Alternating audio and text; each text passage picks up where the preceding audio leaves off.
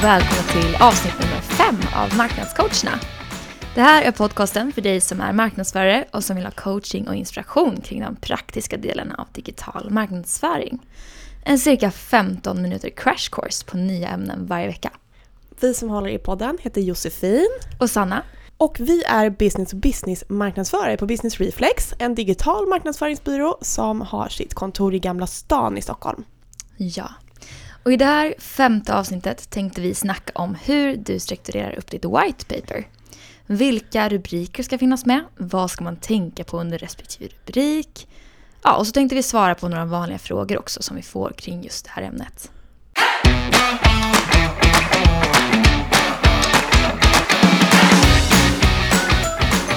White paper är ju någonting som de flesta har hört talas om eller laddat ner eller har skrivit kanske till och med.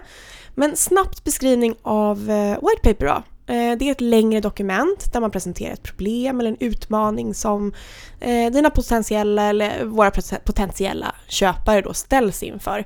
Till exempel ett syfte med ett white paper kan vara att hjälpa läsaren att lösa ett problem, att utvärdera en produkt eller en tjänst eller en specifik utmaning som de ställs inför och behöver hjälp med. Och mm. det är också någonstans en möjlighet att för dig som skriver ett white paper att verkligen visa att du är expert på ämnet och att du förstår kundens drivkrafter och utmaningar. Så man kan ju vara lite så här, vi träffar ju många bara white paper, ska jag skriva ett mm. white paper? Och så blir de lite så här, men gud. Precis, det är mycket prestige i ordet på något sätt. Ja. Eh, väldigt bra sammanfattat tycker jag av vad ett white paper är. Och men som sagt, när man träffar någon som kanske inte gjort det här så många gånger så kan man bli lite avskräckt för att man ser ju framför sig tio sidor text i Word med bara massa, var ska man börja någonstans? I tio punkter! Ja, precis. Det känns som att man ska göra en liten avhandling av ett svårt ämne. Så vi tänker att i det här avsnittet då så ska vi dela upp det lite och göra det mer eh, översiktligt. Så att man liksom kan beta mm. av vilka delar ska vara med och hur ska det vara strukturerat. Mm. Så vi börjar från början med rubriken. Och här är det såklart viktigt, som i all marknadsföring och eh, journalistik, att redan där väcka intresse. Tänk liksom Aftonbladet löpsedel nästan på den nivån. Så liksom folk ska vilja, ja men de ska bli nyfikna och vilja Fast läsa. total sanning. Ja, och inget naket eller liksom nakenchock och sånt där. Men med samma tänk. Ja. Eh, och sen då såklart fokusera på den fråga och det svar som texten kommer att ta upp. Så att läsaren vet vad den kommer att få. Mm. Ska vi ge bra exempel också efter varje grej kanske? Ja men det är bra. Eh, så, så här ett exempel skulle kunna vara köparens guide till ett CRM-system. Mm. Då vet man ju, okej okay, det var inte så mycket löpsedelkänsla över den. Men, men ni fattar ändå att man vet, att man vet vad man kommer få, man vet vad texten kommer handla om. Och för mig väcker det intresse, om man nu är intresserad av CRM-system och har det behovet. Ja. Sen då? Vad kommer näst? Jag tänker att någonting som också är så superbra att lägga in, att inte bara ha rubriken eh, och väcka intresse är ju superbra, men man behöver också ha någon form av en liten teaser, någon kort lockande beskrivning också på första sidan eh, under rubriken. Och det är troligen samma text som också presenterar white paperet på landningssidan. Lite grann så. Mm. Kort sammanfattning, lockande, och som beskriver liksom varför läsaren ska lägga tid på att läsa det här white paperet. Vad får han eller hon eller hen ut av att läsa? Mm. Vad lär man sig?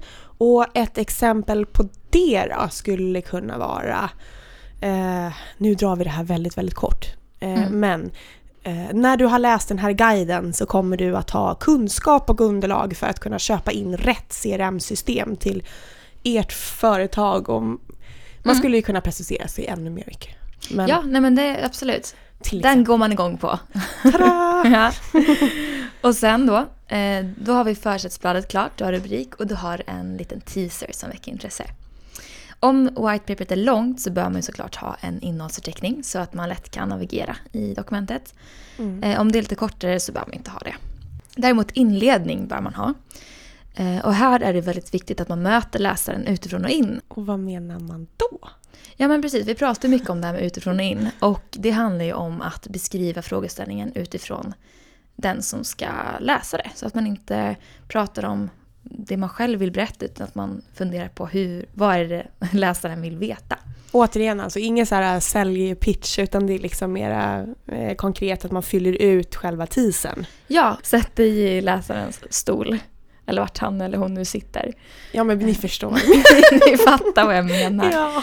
Ja, så att beskriv där varför är det här ämnet relevant och viktigt. Eh, Varför ska han eller hon läsa? Och här är det också viktigt att man inte bara målar upp mörka moln utan att man förklarar liksom att det finns en lösning på det här. Ge läsaren hopp om att det går att lösa och vad som sen kan hända när man löst det. Alltså i form av eh, fördelar såsom besparingar, ökad effektivitet. Så här skulle det då kunna vara att när du har läst den guiden som du berättar där så kommer du ha kunskap och underlag för att köpa in CRM. Och när du väl har det på plats så kommer det ge ökad effektivitet, besparingar i organisationen, etc. etc. Nu tänker jag bara på vad fint du beskrev det som att ett white paper ska ge, inledningen ger läsaren Hopp om livet. Jag tyckte det var fint. Det är så vi ser på det. Ja. När man har kommit vidare här då, så då är det ju vidare liksom att grotta ner sig riktigt i den här brödtexten och innehållet i det. Och det är här många tappar musten liksom. Men eh, man behöver ju eh, tänka på att göra innehållet lättläst och, och relevant. Att det handlar ju, som vi sa tidigare, liksom inte om att det är supermycket ihoppressat text i tio punkter och eh, eh, att det ska se ut som någon form av forskningsrapport från NASA.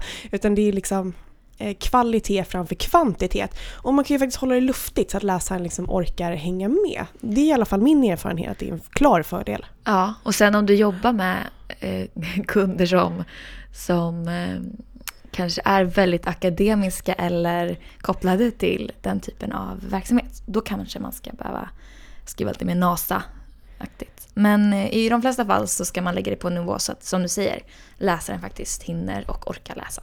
Då kan man ju jobba mycket, liksom, man kan ju ha text och bild som, som liksom förstärker det man behöver säga. Man kan jobba med punktlistor och liksom enkla bara så illustrationer för att förklara. För det viktigaste är ju ändå att man förklarar och diskuterar, argumenterar vad, man nu, vad nu syftet är med Mm. white paper. Så att den som läser liksom känner att de, de, de får ta del av någonting som kan ju vara någonting som de kanske inte har förstått när de har läst så här superkomplexa grejer och Mm. behöver någonting som bara är liksom en nivå igen, beror på helt vem läsaren och hur avancerat man vill göra. Och om man kan beskriva verkliga exempel och dela med sig av sin egen eller företagets erfarenhet så är det också ett jättestort plus. Ja, absolut. Det visar ju på trovärdighet och att du som författare faktiskt kan eh, något om det här ämnet och att du har ja, men, faktisk kunskap och inte bara har googlat runt och hittat på saker och ting. Man får ju googla också Googla är lite ju en marknadsförares bästa vän. Mm, och mer då? Finns eh, hänvisa till fakta kanske. Man vill länka till annat relevant content också som kan ge liksom, belysa andra aspekter eller som Mm. kan göra att man liksom kan fördjupa sig lite mer i ämnet. Och då behöver man ju tänka på det också när man exporterar det här fina eh, dokumentet, att man exporterar det på ett sätt så att alla länkarna kommer med. Just det, så det Det är enkelt inte- att komma vidare. Ja, det, det har, ju, har ju säkert hänt fler än en gång att man har Att det bara eh, missat det. Ja, Mm. Ja, verkligen. men den är bra. Eh, Då kan man ju sammanställa på slutet att för vidare fördjupning och sådär. Ja. Eh, Jättebra. En annan viktig grej som man bör ha i slutet av eh, whitepaperet är en tydlig call to action. Eh, och Vi har pratat om call to actions i tidigare avsnitt och det handlar ju om att uppmana till handling. Eh, till Mm. exempel, tycker du om det här ämnet så kan du läsa mer om det i den här bloggposten. Eller vill du ha en demo av eh, vårt CRM-system så kan du Ja. kontakta oss här. Någonting som man liksom ser som det nästa steget för den som läser. Eh, Så det handlar hela tiden om att leda köparen framåt och försöka puffa på. Ja, så tydlig call to action så att det inte bara rinner ut i sanden när de har läst klart. Nej. Något annat då? Nu är vi på slutet av whitepaperet efter call to action. Ja, jag tänker att ett white paper bör ju inte heller vara helt anonymt som du var inne på tidigare. Så tänker jag på det här med trovärdigheten och, och vem. Det är klart man ska sätta liksom ett namn på sitt white paper också och det är klart att den bör vara lite brandad med företagets logga och så vidare. Så att jag tänker mer så här, skriv lite kort eh, liksom info om den personliga bakgrunden, vem är det som har skrivit och, och hur kommer det sig att den här personen har eh, har tyngd liksom, eller har bakgrunden mm. som gör att, att eh, det här white paperet och de här åsikterna och, och det som man beskriver i white paperet är viktigt för, för dig i ditt beslutsfattande eller ja, Varför ska man utmaning. bry sig och varför ska man tro på det? Ja, precis. Att eh, skapa förtroende och mm, bifoga några rader om författaren och ja. kanske någon bild också för att förstärka liksom, det som är personligt. Precis, för det kan ju också vara så att man jobbar med lite alltså brand eh, ambassadors inom företaget. Att man har vissa personer som man vill ska vara anslutet utåt. Så det här blir lite branding ur den aspekten också. Och det mm. funkar väldigt bra inom B2B. Mm. Sist men inte minst. Sist men inte minst, allra sist i white paperet så bör ni även ha med en liten text om bolaget. Kort om vad ni gör och vilka ni är.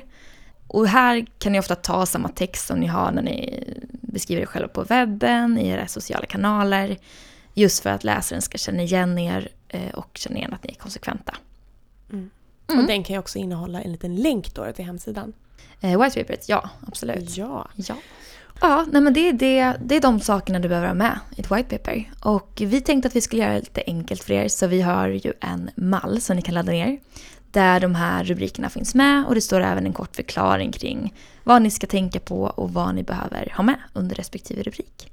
Mm. Eh, och den här kan ni ladda ner på länken som hör till det här avsnittet då.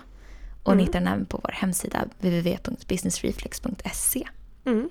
Vi brukar ju också få in en del eh, frågor från, från, äh, från kunder eller för andra, från andra marknadsförare när vi pratar om content marketing och när vi pratar om white papers. Och då tänker jag sådär att vi gillar ju att ta upp lite de här frågorna som, som dyker upp för vi tänker att det är frågor som många andra har. Mm. Så därför så kan vi dra lite på vad vi kommer på för någonting. Um, en av de frågorna som jag upplever att uh, vi får rätt ofta är det här med hur man ska tänka kring tonaliteten på själva white paperet. Och vårt råd då alltså är ju kort och gott anpassa dig efter målgruppen och undvik liksom säljpitchen. Fundera på vem du skriver för uh, och sen så Eh, ta givetvis hänsyn till era brand guidelines och eh, ska det vara business eh, och det ska vara ny och det ska vara lite finare mm. eller ska det liksom vara så här hej tja här är jag eh, och så här kan du göra. Eh, lite mer avslappnat, lite mer chill. Ja det beror ju mycket på såklart hur man är i sin övriga kommunikation på webben och alla andra kanaler. Mm. Så där tänker jag. Men mm. det finns ju ett gäng med frågor. Jag tänker på längd då. Ja, ja, Hur den... lång ska en, en white paper vara?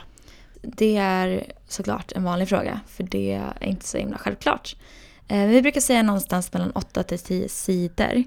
Eh, det låter jättelångt, jag vet, men det innebär ju inte 10 sidor ren text utan då får man ju tänka man har försättsblad, man har baksidor, man har tabeller, eventuellt man har illustrationer och sen har man ju också ett antal rubriker för att dela upp texten och strukturera den. Så det blir ganska mycket white space. Vad kan man säga, kanske 4 till 6 sidor ren text. Mm. Så det är inte så köttigt som det låter. Nej. Det är, det är ju inte. Och här kan man också säga att själva längden då eh, är väl det som är skillnaden mellan en bloggpost och ett white paper. Ja, bloggposter är väl typ korta, alltså, eller typ, de är ju kortare. Alltså det är ju lite mer så här, men vi skrapar lite på ytan och vi skriver lite grann om det. Och sen så är ett white paper då mer när man liksom gräver ner sig i ämnet. Eh, och någon som laddar ner ett white paper också, de förväntar sig att man ska bjuda lite Ja, man måste ju ha något. På. De kan ju inte bara ladda ner och sen få ingenting för mödan. Utan då Nej. har man ju lite högre förväntningar när man har lämnat ut sig. Precis, och där säger vi alltid så här, men var bjussig. Ja. Va, var bjussig. var skön och schysst och bjud på dig själv. Mm. Bjud på din expertis, kan vi väl sammanfatta det med. Ja, precis. Och i nästa veckas avsnitt så kommer vi att prata om LinkedIn-annonsering. Ja. Det blir väl skitkul? Det blir superkul. Ja, för det finns ganska många frågor kring LinkedIn-annonsering och, och, och, vi ska in och toucha lite grann där också. Ja, vi får välja ut någon liten del av det. Det är ju ett stort ämne. Men vi, ni får höra nästa vecka helt enkelt. Så tar vi det då. Ja. Tack för att ni har lyssnat. Tack. Ha det så bra. Hej då. Hej då.